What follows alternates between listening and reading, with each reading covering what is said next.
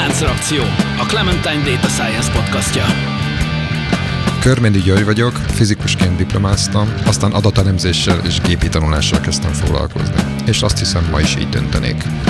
Kovács Gyula, Data Science Trainer.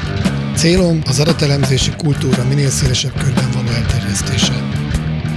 Könyves Tóth előtt vagyok, hivatalosan matematikát, programozást és pszichológiát is tanultam, de az életben azt is megtanultam, hogy a nem hivatalos tanulmányok éppen annyira fontosak. Póli Ferenc, digitális terméktervező, tanácsadó, startupper és podcaster, akiben évtizedek óta harcol a programozó és az újságíró.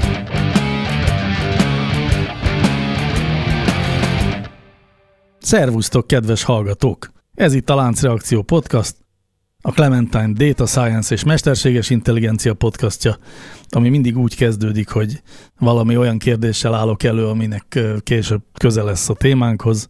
Ez most sem lesz másként, legalábbis remélem. Az emlékeitekben szeretnék vájkálni. Amennyiben is. Emlékeztek-e arra, hogy melyik volt életetekben a legpiszkosabb adatbázis, amivel valaha találkoztatok, a legszörnyebb, a legnehezebben tisztítható, amivel a, leg, a legrémítőbb volt az első találkozás? Nem, de valószínűleg Jó, azért, mert valószínűleg, valószínűleg ez a memóriám. Hú, egy, egyébként egy memória az egy nagyon-nagyon bonyolult adatbázis, és valószínűleg iszonyú redundáns is, nem? Uh-huh. Hát az. az emberi agy az valószínűleg iszonyú sok mindent tárol, és korán sem azon a módon, ahogy a mm, relációs adatbázisokban szokás. Én most láttam egy Netflix dokumentumfilmet a végtelenről. Most nem akarom ezt megnyitni, nem akarom Hosszú ezt volt. megnyitni. Hosszú volt, ez jó. uh, és hogy van-e, tehát ugye van-e való, a valódi világ végtelene, bármilyen tekintetben végtelen vagy véges, Egyébként nem volt rossz. Ki mondta, jó volt, bár bárkinek elkezdtem el beszélni két másodperc után, vagy két perc után ott hagytak. Tehát jól láthatóan elég szűk az a csoport, akit érdekel ez a téma. Most ezt kipróbáljuk a hallgatókon. És ez, ez csak onnan jutott eszembe, hogy elmondták, hogy mennyi neuron van, meg ezek milyen különböző féleképpen tudnak kapcsolódni egymáshoz. És a lényeg az, hogy ha most feltételezzük, hogy mindegyik állapot egy gondolat, akkor sokkal több gondolata lehet egy embernek, mint ahány atom van a világegyetemben, a teljes világegyetemben. Úgyhogy ez már majdnem végtelen. Ez mondjuk, ez nekem azért felvet egy ilyen matematikai problémát. Tehát ha egy neuron állapot egy gondolat, és ebből sokkal több van, mint a világegyetem atomjai, akkor ugye valahogy tehát akkor több neuronunk kéne legyen, mint ahány atom van a világegyetemben? Nem, nem, nem, nem. nem Mert csak az á, tehát a kombinációk nem, ez számát... Ez a neuronoknak értem. a hatvány száma, az ja, meg értem. fix hogy mennyi Tehát a neuronok van. valahogyan sorba állítják az ő állapotjaikat. Hát most nem akarok ebbe belemenni, Ezért mert azt hiszem, ez hazudnék, ha... Pongyola megközelítésnek hangzik. De visszatérve a piszkos adatokra, én most pont nemrég találkoztam egyel. Egy kis projekt volt, kis adatbázis, de én annyit szívtam, nem tudom ezt a szót mondhatom-e ebbe a műsorba. Ja, most már mondtad. Kimondtam, hogy talán az elmúlt tíz év alatt összesen Na. nem szívtam egy adatbázissal, mint ezzel. Nyilván nem akarok se nevet, se üzletágat, se, se sok mindent mondani, mert a partneremet nem akarom megbántani, bár a projekt záró prezentációjában ezt azért elmondtam, hogy itt még vannak tartalékok. Ilyen finoman fogalmaztam. hát sajnos meg kell tanulni kommunikálni egy idő után, és az gyakorlatilag arról szólt nekem az a projekt, hogy van az a minőség, amikor már gyakorlatilag csak azért elemzi az ember ilyen becsületbeli ügy. De üzleti értelemben nekem ez akkora ráfizetés volt, mert nyilvánvaló, hogy amit én beleraktam, hogy egyáltalán elemezhető legyen az adatbázis, az többszöröse volt, mint amit kiszámláztam, viszont ez egy, nem egy nagy cég, a cégnek meg, hogy is mondjam, tehát ha kiszámláztam volna a teljes munkaidőt, akkor meg neki nem okozott volna akkor üzleti hasznot. Uh-huh. Tehát ez a róka fogta csuka szituáció. Lose-lose projekt Aha, volt. Ez a lose-lose, ez szó szerint. Vesztett rajta. Szóval, hát azért ő nem, ő nem. Tehát szerintem jó, jó elemzések jöttek ki, de uh-huh. én nem gondoltam volna, hogy, hogy ilyen egészen döbbenetesen katyvasz adatbázisok még vannak. Milyen jellegű hibák voltak ebben az adatbázisban? Hát a, a különböző táblák között teljes inkonzisztencia, tehát a, a, volt mondjuk két olyan esemény, ami a két táblában, mind a kettőben ott kellett volna, hogy legyen csak más adatokkal, akkor ezek nem voltak. Tehát az egyikben volt, másikban nem. Másikban volt, egyikben nem. Hogy akkor most ez tényleg volt-e vagy sem, senki nem tudta. Rengeteg ilyen szabadszöveges bejegyzés volt, ahol fix értéknek kellett volna lenni, tehát mondjuk ilyennek, hogy, hogy A vagy B, és akkor zárjában még odaírta az ügyintéző, hogy, hogy a kislányom tegnap fogorvosnál volt, tehát most direkt mondom, ugyanis az ERP rendszer, ami náluk volt, az, az megengedte, hogy, hogy bármit fel lehessen vinni, től kezdve a mérlegadatok, az, a, amit a könyvelő látott, árbevételadatok, meg ami ebben az RP rendszerben voltak adatok, ezek köszönő viszonyban nem voltak, ami azért nem ártott volna, hogyha egy ilyen korrekt elemzést szerettünk volna. Tehát soroljam, tehát uh-huh. volt, volt meló vele. Értem. Én, én is tudok hozni egy példát, mégpedig a saját startupomnak a általában minden adatbázisa, Ugye ez arról szól, hogy egy feltett kérdésre a közönség öt darab szóval válaszol, és akkor ebből szófelhőt képezünk nyelvmesterséges intelligencia segítségével, és hogy hát ugye ez egy elég egyértelmű helyzet. Fölteszel egy kérdést, és a válaszolónak öt szóval kell válaszolni, erre öt külön mező van, mindegyikbe egy-egy szót kéne írni, esetleg egy kifejezést. És el nem hinnétek, hogy az emberek, amikor egy ilyen nagyobb mintán mondjuk egy ilyen általános közvélemény kutatás keretén belül tesznek föl egy ilyen kérdést, és odaírják szépen értetően, hogy öt darab szóval kell válaszolni, hogy milyen módokon De trükközik meg ezt, a, ezt az egyszerű feladványt. Emoik, meg nem tudom még. Ha, hát ha csak emoik lennének. Most, de az... most már nem merem azt mondani, hogy a, a fantáziám az végtelen nagy, mert ugye bebizonyították, hogy csak annyi, amennyi atom van a világegyetemre. Megszámlálható. De, de el se tudom képzelni, akkor inkább így fogalmazok. Az egybeírt mondatok, a mindenféle írásjelekkel megtrükközött egybeírt mondatok, elképesztő elírások. Tehát az, hogyha valaki, én, én nem hittem el, hogy lehet ekkora nyelvtani hibákat véteni egy szón belül. Uh-huh. Ilyen sokat például, egy, hoz, egy összetett szónből.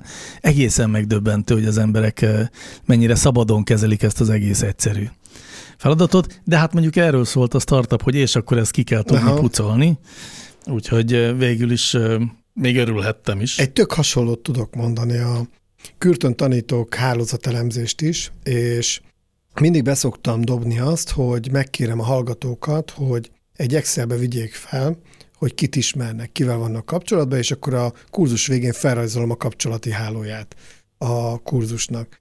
És hogy ne kelljen sokat dolgoznom az adatokkal, egy fix formátumú Excel-t szétküldök, és azt leírást is, hogy hogy kell kitölteni, ha azt mindenki kitölti, összeappendolom, és már is gyakorlatilag kész van a gráf. Mármint az adatbázis szinten. Na most legutóbb is ezt elküldtem, 10x diák küldte vissza 10x különböző formátumban. Hmm. Nyilvánvaló volt, hogy valahol nem voltam atomprecíz a leírással, hogy kinek kitölteni. Azt viszont nem gondoltam volna, hogy 15 különböző képpen lehet kitölteni egy tök fix struktúrájú táblát. Hát ebből is látszik, hogy az emberek végtelenül kreatívak. Vigyázzunk ezzel a szóval. Ja, megszámlálhatóan végtelenül kreatívak így esetleg. Na hát ebből viszont még egy dolog látszik, hogy amikor adatot elemzünk, akkor az adattisztítása az talán a legfontosabb feladatok egyike. Ugye Gyula hozott egy írást is arról, egy mhm. felmérést hozott, hogy a vállalatoknak mindössze a 3 a tud olyan adatbázisokat kezelni, amelyek az ilyen alapvető minőségi elvárásoknak, vagy minőségi sztenderdeknek megfelelnek, uh-huh. ami azt jelenti, hogy az, a vállalatok 97%-a az olyan adatbázisokkal dolgozik, amik még a legalapvetőbb minőségi követelményeknek sem felelnek meg, azért ez egy elég megdöbbentő szám, uh-huh. és azt gondolom, hogy az, amit már sokszor elmondtunk itt a podcastban, hogy egy adatelemző projektnek mindig a legnagyobb és a legterhesebb része az a, az adatoknak a konszolidálása és tisztítása, életbevágó tud lenni. Na hát ma avval akarnánk foglalkozni egy kicsit, hogy vannak erre eszközök, amik segítenek abban, hogy az egyszeri adatelemző ne töltse a óradíjának nem megfelelő mennyiségben az idejét azzal, hogy adatokat elemezzen, tisztítson. Mielőtt még belemennénk az eszközökbe, én egy kicsit még ezt körbejárnám. Egyrészt ezt a kutatást, ami már önmagában érdekes, és itt idézőjelbe téve. Másrészt az is adja az aktualitást, hogy én ezt tanítom is, ezt az adatminőséget, és majd néhány dolgot a oktatási anyagomból kiemelek érdekességként. Ez általában, amikor tartom, és megkérdezem a diákokat, hogy ők találkoztak-e ilyen anomáliákkal, akkor ott kiborul a bili. Tehát ott elkezdik mondani, tehát senni sokkal cifrább példákat, mint amiket én mondtam, vagy mondok is egy-két érdekeset. De hogy jött ki ez a 3 százalék? Ugye ebbe itt kezdődik az adatminőség, hogy jön egy elemző, és mond egy számot. És itt két irányba megy a sztori, vagy szentírásként elfogadjuk, hogy 3 százalék, vagy utána nézünk, hogy hogy jött ki ez a 3 százalék. Az esetek többségében ezt szentírásnak tekintik, és a tapasztalatom az, hogy a legegyszerűbb alapstatisztikák, alapmutatók is nagyon sokszor tévesek egy cégen belül. De nem jók. De ezt senki nem tudja, mi a jó, tehát soha nem is derül ki a legtöbb esetben, hogy ezek a számok nem jók. Ennél a konkrét esetnél nekem ez a 3% nagyon gyanús volt. Úgyhogy megnéztem a módszertant. A módszertan elnevezése az, az, az egészen mókás. Ez a Friday Afternoon Measurement. Nem tudom, hallottatok-e róla? Én, én nem. Én sem. Valószínűleg ez egy poén, tehát ők nevezték el, mert utána nem is értettem, hogy miért ez a neve. A lényeg az, nem vagyok teljesen biztos, hogy a teljes metódus tökéletesen értem, elég szűkszóan írták le. Elmentek cégekhez, és minden egyes menedzsert megkértek, hogy egy száz rekordból álló adatbázist válogassanak le max 10-15 kritikus attribútummal. De ez valami legutoljára használt adat. A legutoljára használt Tehát adatok, az a de hogy ez forrásadat, vagy már egy képzett adat, tábla, ez mennyire nem volt részletesen leírva, de lényeg az, hogy amiből dolgoztak, a száz ilyen rekordot válogassanak le, azokkal az adatokkal, amiket használtak, és utána a feladat az volt, hogy akkor most járják körbe, hogy ezek mennyire jók ezek az adatok. Rekordonként. Rekordonként. Gyakorlatilag egy 0-100 közötti érték jöhetett ki. Nulla akkor, ha 100-ból nulla volt jó. Tehát, hogy rekordonként el kellett dönteni, hogy tökéletes-e vagy nem tökéletes, és hogyha nem tökéletes, akkor... Pontosabban, egy rekordonként találtak egy kritikus hibát. De ha találtak egy rekordba egy kritikus hibát a 10-15 attribútum közül, akkor azt mondták, hogy ez rossz, ha meg nem találtak, akkor jó. Éppen ezért egy 0-100 közötti érték jöhetett ki, a nulla az, hogyha semmelyik rekord nem volt jó, száz az, hogyha mindegyik. Azt mondták utólagos csekkolással, hogy itt semmilyen kritikus hiba nem volt. Ez nem jelenti azt egyébként, hogy valamilyen hiba nem volt, ugye itt most kritikust jeleztek, és aztán a cikk ki is rajzolja a eloszlás görbét ennek a eredménynek. Hát mondanom se kell, hogy volt egy csomó olyan cég, ahol Összesen max 10 jó rekord volt a százból. Összesen hány cég volt? Ez? Hát nem sok, tehát hát igazából ilyen... De nem is olyan nagyon 75. 75, 75. 75-ből 15 olyan cég volt, amelyiknél kevesebb, mint 10 volt tiszta rekord a százból, és ami az a, elég kevés. A cégek 3 az 75-nél, az 2 97, 97-nél húzták meg a határt. Ha 100-ból legalább 97 jó volt, akkor azt mondták, hogy elfogadható adatminőség. Ilyen volt összesen há, három százalék. De az kettő. Az kettő. igen, igen. Na, tehát ez a módszertan. Eleve kismintás, eleve tele van soft résszel, tehát hogy mi számít kritikusnak, mi nem. Csak egy lábjegyzet, hogy én megnéztem közben, hogy miért hívják Friday Afternoon Measurementnek. Na. És azért hívják így, mert ugye ezt úgy kell csinálni, hogy a vezetőnek kell kiválasztani azt a száz darab adatot, és aztán egy két órás meetingre be kell hívjon két az adatokat jól ismerő szakembert, és velük együtt kell átnézni azt, Aha. hogy hány rekord oké, és ezt gyakran péntek délutánra szokták tenni ezt a két órás meetinget, mert akkor már nem akkor a Aha. kínosság kivenni a két szakértőt a munka, Nagyon jó. Srácok, a főnök már 17 egyszer kérdezett rá, hogy mikor tudjátok ezt a jó, kutatást péntek délután, jó van. Annyira megígérte ez ennek a két professzornak, akit ezt meg akarta csinálni. Igen, így, pontosan. Na jó, mindig, mi, mindig együtt sörözik egy velük. reflexív és... elnevezés, szép munka szerintem. Tehát egyébként a metódusnak az a gyenge pontja, hogy nem tudjuk, hogy ténylegesen mennyi a rossz.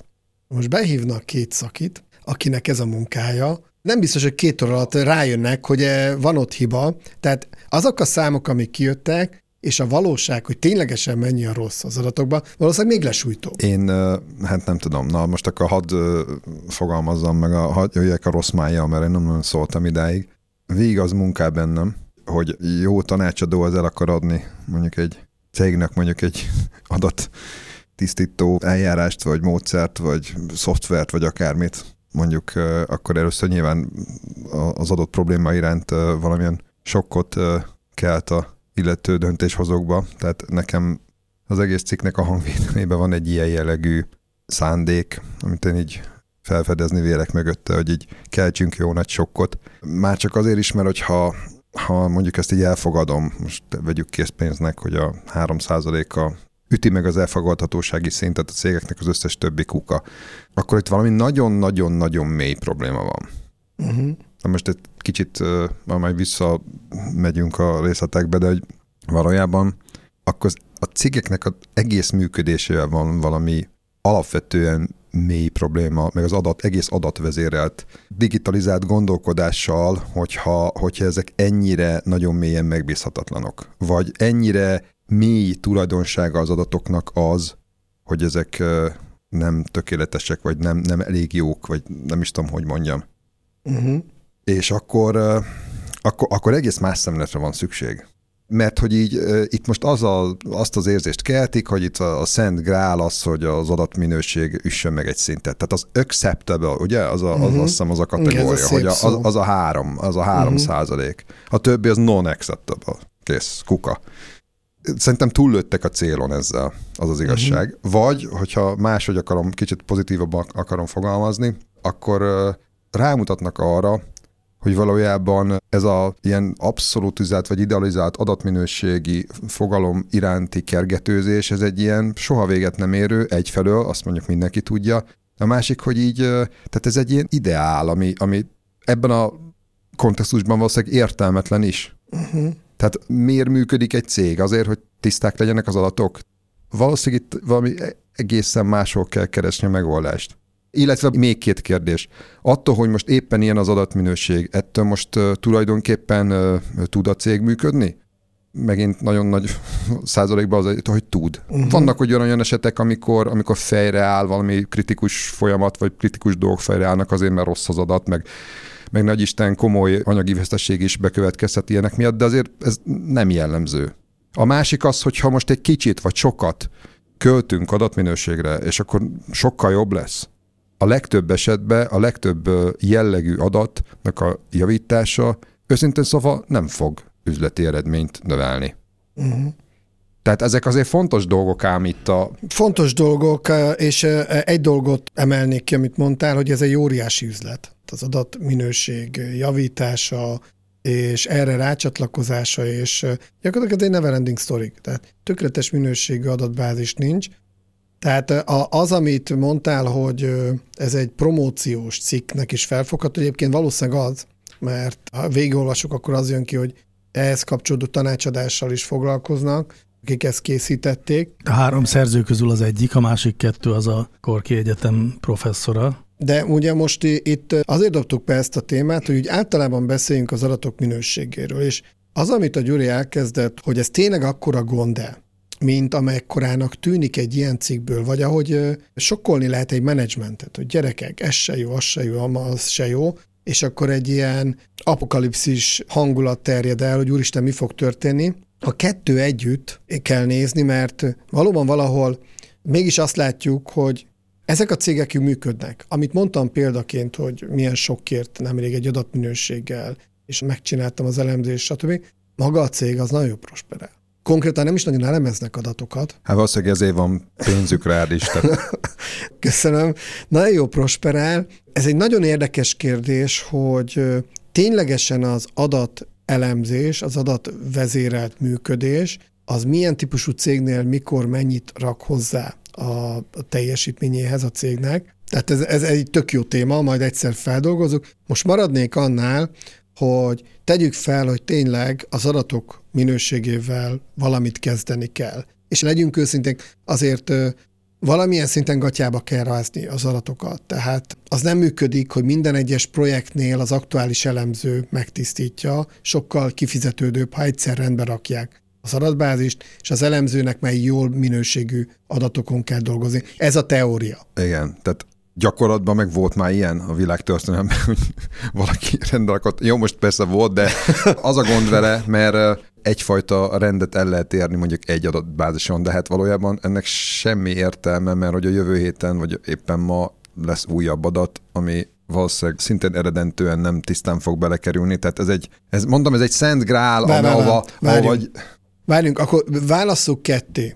Válasszuk ketté az adatminőségi problémát. Az egyik az, ami a rendszer automatikusan generálja az adatokat, és az adatok egy minősége rossz, és ezek az eszközök megpróbálják automatikusan kijavítani. Tehát hiába generálódik a jövőben egy csomó rossz adat, elméletileg az az üzenet, hogy ha ezt egyszer megveszed, leprogramozod, installálod, akkor onnantól kezdve jöhetnek be a pocsék minőségű adatok, a végén egy jó minőségű adat lesz, mert ezeket a hibákat, hiányzó értékeket, stb. az, az megoldódik. vagy új hibákat csinálnak a régiek helyett. Tehát most egy dolgot mondok, kiavítja a rendszámot valahogy korrigál, mert ilyen rendszám uh-huh. nincs, olyan meg van, meg nem tudom hány karakter, és akkor most változik a rendszámformátum. Uh-huh. Most, hogyha nem nyúlsz hozzá, akkor az ott hibát fog generálni. Már pedig Hozzá kell most nyúlni. Direkt, kell nyúlni. Na jó, de hát pont az volt, ha jól értettem, Gyula, amit mondtál, hogy ez most innentől kezdve majd magától. Nem. Hogyha valamit a természettudományokban mondjuk mérünk, vagy, vagy mondjuk egy mérő műszerrel, meg egyebeket használunk, mondjuk fizikusok vagy mérnökök valamit csinálnak, akkor akármit mér, akkor ez egy természetes fogalom, hogy ott van mellette a zaj. Tehát van, mm. van a jel, meg van a zaj.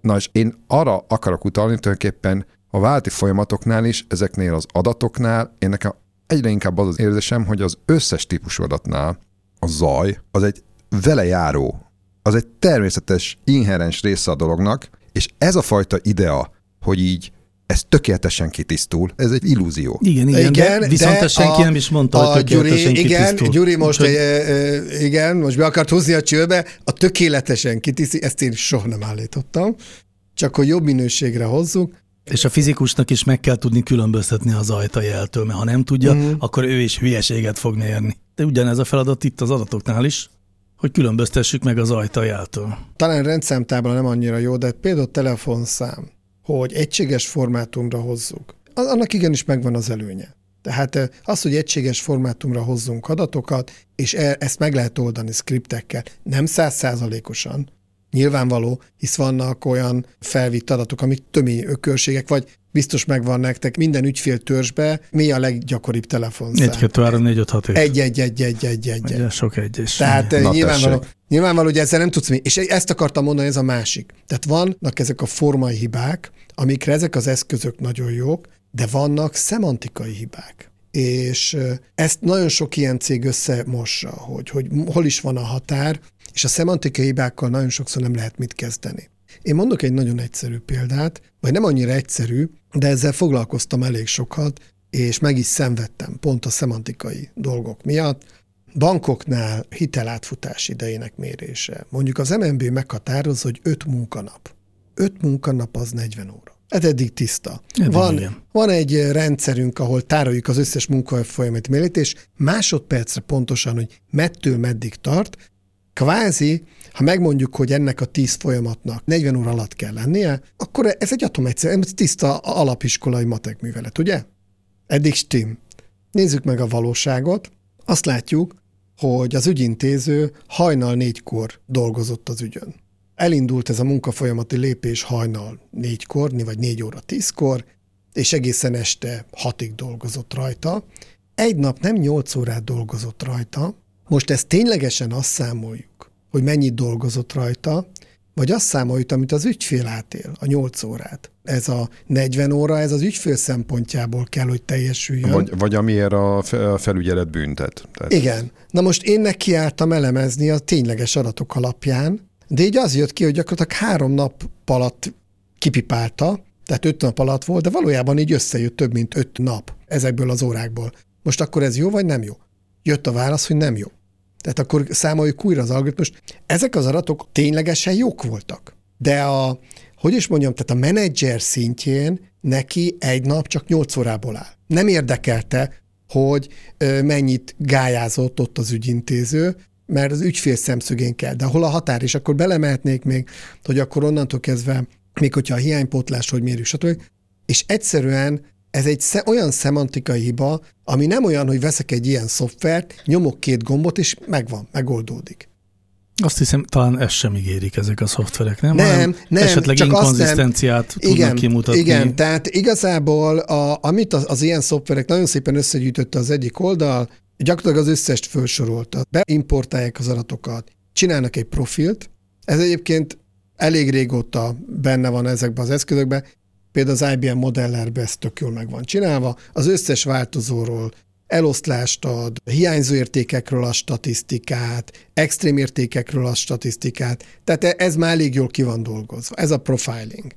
Utána vállalják ezek, hogy tisztítanak. Na most ez a tisztítás, ez már egy nehezebb ügy. Nincs ilyen, hogy a szoftver magától tisztít, itt már kell egyeztetni a megrendelővel, hogy mi számít piszkos adatnak, extrém adatnak, milyen módon változtassuk meg az, a rossz adatokat, és így tovább. Ha hiányzó értékek vannak, ez egy mindig egy kulcs, erről már volt szó, többször szó. De beállítjuk ezeket a szabályokat ezeknél a szoftvereknél, akkor viszonylag gyorsan megcsinálják. Aztán a duplikált sorokkal mit kezdjünk, ez a matching. Ez egy nagyon gyakori probléma. Aztán van ilyen, hogy több fájból össze akarunk párosítani egymáshoz tartozó rekordokat, de a valós életben nincsenek kulcsok, olyan szép kulcsok, mint amiket megtanultunk az egyetemen, hanem mondjuk cím alapján kell összepárosítani rekordokat, akkor itt bejönnek ezek a fázi típusú kapcsoló algoritmusok, amik ezek a szoftverek általában tudnak, és elég jól beazonosítják, és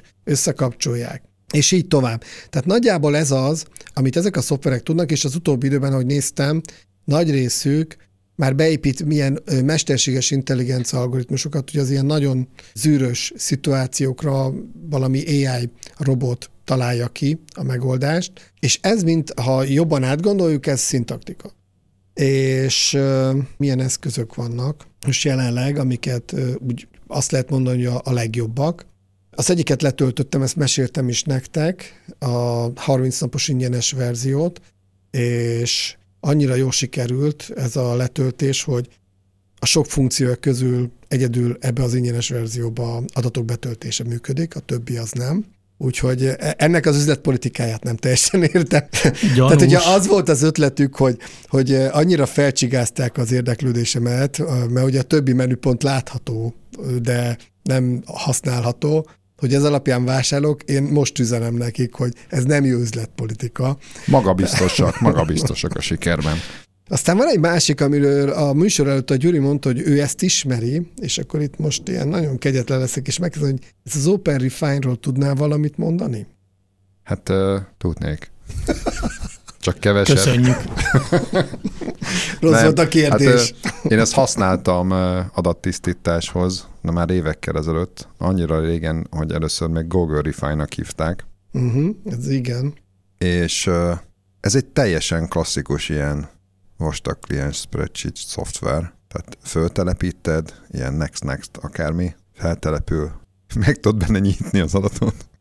Ez open, tehát ezt tudod használni normálisan, és, és egyébként tök jó volt. Tehát ilyen, ilyen viszonylag intuitív. Ami a másik élményem, amire emlékszem, hogy ilyen legalábbis nekem az, az elején, vagy az egyszerűbb dolgokban ilyen intuitívan egyszerűen csak használtam, és működött. Uh-huh. Aztán ilyen nagyon do- bonyolult dolgokra nyilván nem használtam, de az az érzés maradt meg bennem, hogy na basszus, ezért Google csinált valami ilyen tök jó izét. Aztán nyilván egyébként ők ezt így elengedték, mert a ő nekik a működésükben, a profiljukban semmilyen módon nem illeszkedik egy ilyen jellegű szoftver, nem is tudom, hogy az egyáltalán hogy került bele a portfólióba.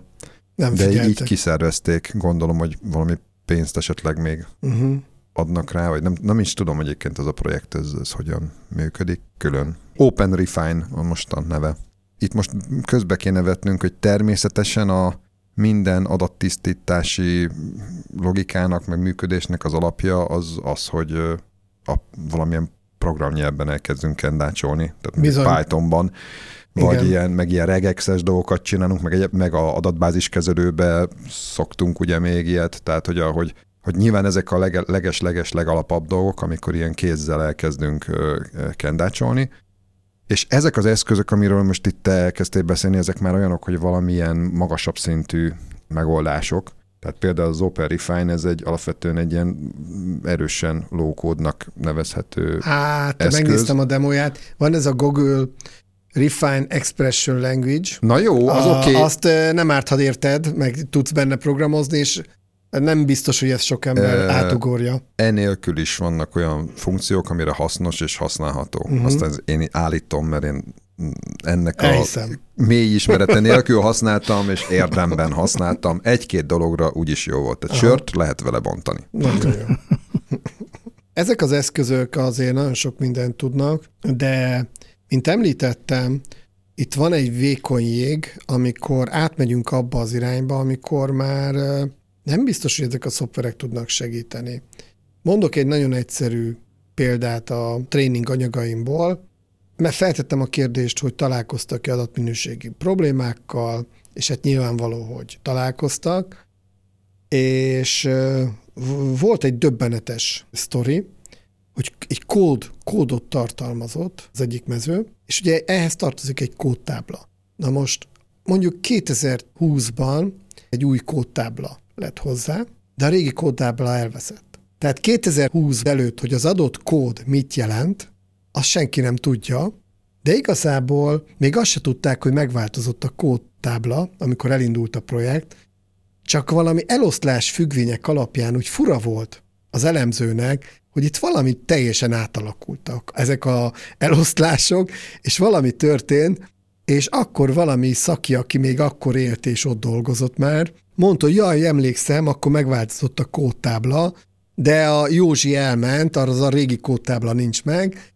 és ö, nem is folytatom. De nyilvánvaló, hogy e- ezek az eszközök ilyet nem tudnak megoldani, ilyen problémát. Jó, egyébként tipikus szerintem. A sztori jó, de hogy, de hogy én ebben megint a mintázatot látom. Tehát, hogy szerintem ez így evidens, hogy lesznek ilyenek. Tehát száz kódtáblaváltásból egyszer, vagy nem tudom, egyszer el fog veszni, és akkor senki nem tudja, hogy mit akar. Amit számítógéppel csinálunk, annak minden mozdulatnak, minden kódsornak, akárminek, annak van egy életciklusa, egy felezési ideje, egy avulása, és ezekkel nem igen foglalkozunk soha. Tehát mindenki általában a fejlesztéssel, az új dolgok létrehozásával, a, az újraírással, e, ezekkel foglalkozik, erre vannak a projektek. Az, hogy minden kódsor, amit leírunk, az egyszer elenyészik, vagy minden adat, amit eltárolunk, az egyszer elenyészik, vagy legalábbis, azt nem mondom, hogy fel, de, de legalábbis van egy felezési ideje. Csak esetleg nem tudjuk, hogy konkrétan az mennyi, de hogy ez a fogalom az létezik, ebbe biztosak lehetünk, hogy az a kódsor, az az adat, akármi, az, az a digitálisan rögzített információ, az el fog veszni fizikailag, és vagy ha meg is van, senki nem tudja, hogy ez most mit csinál gyerekek. Tudja még ezt valaki ez a rendszer, vagy ezen a szerveren? Mi van itt? Valami fut, de tehát ha leállítjuk, mi, vajon mi fog történni? Igen, tehát... vajon elfogy az oxigén hirtelen a gyártelepről?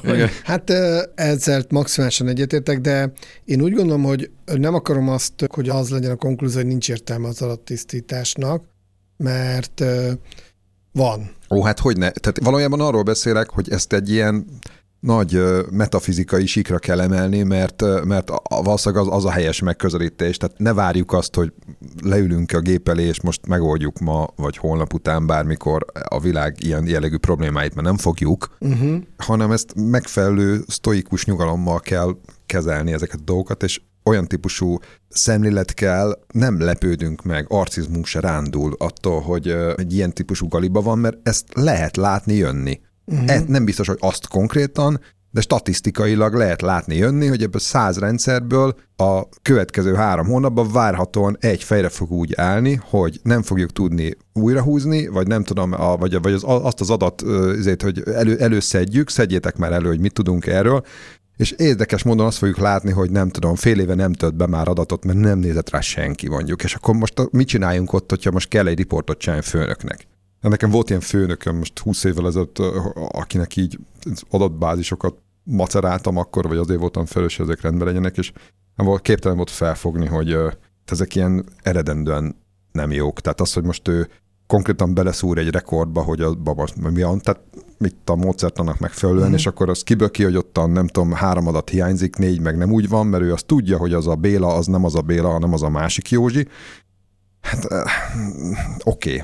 De nézzük végig, és akkor az lesz, hogy nem tudom, 87 vagy 93 vagy akárhány százalék egyébként jó, vagy elfogadható, vagy nem tudom mi, és akkor a többi az meg nem lesz jó. Igen, de minél többet beszélsz róla, szinte az az üzenete, hogy felejtsük el az adatelemzést. Tehát ilyen filozófiai síkon már az van, hogy úgyse ismerhetjük meg a Nem, valóságot. hát most nem, bocsánat, nem. Tehát, tehát mint egy távcsőben nézünk, vagy adatokat mérünk csillagokról, akkor se az az üzenet, hogy ott van egy iszonyatos katyfasz, nem látok semmit, vagy ezért, hanem, hanem elkezdem értelmezni ezeket az adatokat, aztán kihámozok belőle valamit, és vagy igaz, vagy nem. Zseniális uh-huh. most egyébként, most ez a James Webb, most tök más téma, de távolról kötődik ide, hogy egyszerűen ugye ott jönnek adatok, és akkor így hát próbálják értelmezni. Például a, most a nagyon távoli csillagoknál volt ilyen, hogy mert ugye mindenki ezeket a nagyon eltolódott ilyen vörös kereket keresi, mert azok vannak ebben nagyon távol de azért bizonyos esetekben okozhatja ezt más is. És akkor kiderül, hogy azok a konkrét csillagok, vagy, vagy nem csillagok, ezek már igazából inkább ilyen nagyobb képződmények, azok mondjuk nagyon régiek, és akkor ott, ott ugye nagy ez, a, ez az eltolódás, és akkor, és akkor kiderül, hogy esetleg ez mást is okozhatja, vagy másért van, de ott egy darab jel van, tehát azt értelmezzük. Tehát azért mondom most ide visszakötve, hát itt is egy kicsit ilyen a feladata az adatelemzőnek, csak mindig mellé kell tenni mondjuk egy megállapításnak, vagy egy, vagy egy válasznak, amit, amit mondjuk az üzleti problémára adsz, hogy körülbelül miből, miből főztél. Tehát uh-huh. hogy ebbe a lecsóba körülbelül mi van. Én ezt néha beszoktam rakni, nem szeretik. Nem, ja, az nem, a másik. Nem szeretik. És ilyenkor nagyon az jön át, hogy ez az elemző valójában ki akar bújni a felelősség alól, és valaki másra tolja a saját inkompetenciáját, tehát konkrétan ők azt akarják, hogy itt volt, kaptál pénzt, lóvét, időt arra, hogy csinálj nekem értékes elemzést, és ne azzal kezd, hogy mutogatsz másra. Tehát ez egy nagyon-nagyon vékony jég, éppen ezért én úgy gondolom, hogy mi elemzők nagyon motiváltak vagyunk abba, hogy jó minőségű adatok legyenek, tök mindegy, mit csinálunk, mert bele lehet kötni. Tehát én tudom, hogy ez van, de nem jók a tapasztalataim, amikor elmondtam, hogy ezek az adatok nem jók, mert majdnem az jött ki, hogy ahelyett, hogy mondanék valami jót, még én fikázom őket. Gyula, tök igazad van, és én meg mégis azt képviselem az ügybe, hogy ne adjuk fel harc nélkül kartársak, tehát küzdjünk tovább. És most itt a covidos tematikát hoznám, tehát a, talán már így beszélgettünk róla, hogy én a covid kapcsán éltem át ezt, hogy a, hogy ugye, hogy a korlátozott jellegű adatok vannak, korlátozott, ott nagyon sokfajta értelemben, tehát ugye exakt válaszokat várnak döntéshozók, hogy hogy legyen, uh-huh. mi várható, hogy mi lesz két hét múlva, mondjuk meg mert hogy az egész azt sejtetik itt, hogy úgy, tehát ezt ki lehet számolni. Ki lehetne számolni, hogyha elég pontos adataink lennének, persze akkor is csak egy bizonyos jósággal. És akkor, amikor elkezd ugye kötelezően elkezd az elemző arról beszélni, hogy mi egyáltalán definíciói ezeknek az adatoknak, milyen jósággal érthetjük ezeket, milyen bizonytalanságok vannak. Tehát az egész elméleti alapjai az egésznek. És hogy mennyire nem várható ebben a pillanatban az, hogy most egy fekete-fehéren megmondjam. És uh-huh. akkor igen, azt fogom mondani, hogy középszürke. Uh-huh. Holnap egy kicsit szürkébb lesz. És akkor ilyeneket tudok mondani felelősséggel. Uh-huh. És, akkor, és akkor igen, az a reakció, hogy izé, hogy hő, ez nem jó semmire. De azért van ebben egy lassú fejlődés a megrendelői oldalon, van ezért egy lassú edukáció szerintem, egyre jobban felfogják döntéshozók az élet számtalan területén, hogy hiába van rengeteg adatunk, és hiába van egyre több adatunk, mondjuk egy vállalatnak a működéséről, mondjuk a Covid-ról, mondjuk a gazdaságnak a működéséről, a tudományról, viszont egyre komplexebb dolgokat vizsgálunk, meg egyre komplexebb kérdésekre keresünk válaszokat. Mert azokat a kérdéseket már, amik 20 évvel ezelőtt így jó meg lehetett oldani, azokat már föl se tesszük, mert azok már annyira nyilvánvalóak. És hogy a mostani kérdések azok persze olyanok, amikre még most keressük a válaszokat, és azok sokszor egyre komplexebben megválaszolhatók, egyre bonyolultabbak, egyre mondjuk indirektebbek az adatok, amik rendelkezésre állnak, vagy, vagy hát mert te a pont, amit meséltél, az is ilyen indirekt adat, nem? Uh-huh. Tehát az, hogy most valójában egy, egy folyamatot vizsgálsz, mondjuk egy, egy ilyen munkafolyamatot, hát most 20 évvel ezelőtt tötyögtek ilyenekkel? Ilyen módszerekkel, de hogy tötyögtek, nem volt egyáltalán semmiféle adat róla, nem? Uh-huh, nem volt adat. Ezek a keményen koppanó szavak, amik elhangoztak itt az utolsó részben, szerintem két dologra hívják fel a figyelmünket. Egyrészt arra, hogy adatelemzőként ameddig csak lehet használjunk ilyen eszközöket az adott tisztításra, hogy minél kevesebbszer kelljen elmondani egy projektzáró értekezleten, hogy sajnos amit adtatok, az használhatatlan. Másrészt meg arra is felhívja figyelmet, hogy viszont van az a pont, amikor meg el kell mondani, hogy ez így nem jó. Van egy harmadik megoldás. Na, mi hogy az a harmadik? csak annál a 3%-nál vállaljunk munkát. Ha már lefeljók az adatok. Minden 30. céghez. Én azt mondanám, hogy a, akkor a felső harmadában annak a kutatásban részt vett cégeknek már lehet vállalni, mert ugye abban megállapodtunk az elején, hogy az, hogy a 3%-nál tökéletesek az adatok, nem azt jelentik, hogy a 3%-nál használhatóak. Uh-huh. Ez nagyon jó. Meg a 3%-nál egyébként elfogadhatóak. Több ilyen egyszerűen nem elfogadható. És akkor abból kell dolgozni. Az adatelemző sors, egy újabb sors kérdését tárgyaltuk ma meg, remélhetőleg valamiféle inputtal is tudtunk szolgálni a jövőhöz. Köszönjük a figyelmet!